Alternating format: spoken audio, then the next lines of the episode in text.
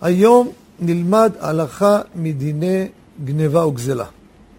רבים רבים שואלים, בפרט לאחרונה, בכל נושא התחבורה הציבורית במדינת ישראל, אני מדגיש, בכל החברות, כל חברות האוטובוסים, מדן ועד באר שבע, מהצפון ועד הדרום, כולל רכבת ישראל. שואלים, אדם שנסע בתחבורה ציבורית ולא שילם, את מי הוא גזל? ולמה אני מדגיש לזה פינה? בעבר דיברנו על זה, כי גם בספר אליבא דהלכתא וגם באחד הפינות אני אמרתי שיש פה גזל מכמה, גם ממדינת ישראל, משרד התחבורה, וגם גוזל את השכנים שלו בזה שהוא לא מכניס כסף ויש פחות שירות לציבור באוטובוסים. שראה הרעיון של תחבורה ציבורית עובדת בקצרה, שהם צריכים לספק את הנסיעות לפי חוזה שהם התחייבו לו. מי משלם להם? לא אנחנו, המדינה משלמת להם.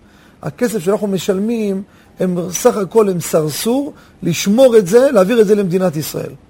הם סך הכל פקידים, הם מקבלים מהמדינה, לא מאיתנו. אז אני אמרתי, מי שנוסע בתחבורה ציבורית, גונב את מדינת ישראל, לא את החברה, החברה תקבל את הכסף שלה. רק הוספתי בעבר, שבגלל שאם ייכנס פחות כסף, יהיו פחות נסיעות גם כן לאחרים, אז הוא מזיק אותם, הוא גונב אותם. ובזה אני חוזר בי, זה טעות. אם אני גונב את המדינה ובגלל זה לא נותנת למישהו אחר, זה נקרא שגנבתי אותו? מה פתאום? לכן, מסקנת הדברים, מי שעולה לאוטובוס ולא משלם, הוא גונב אך ורק את מדינת ישראל, את משרד התחבורה. הוא לא גונב שום אדם פרטי.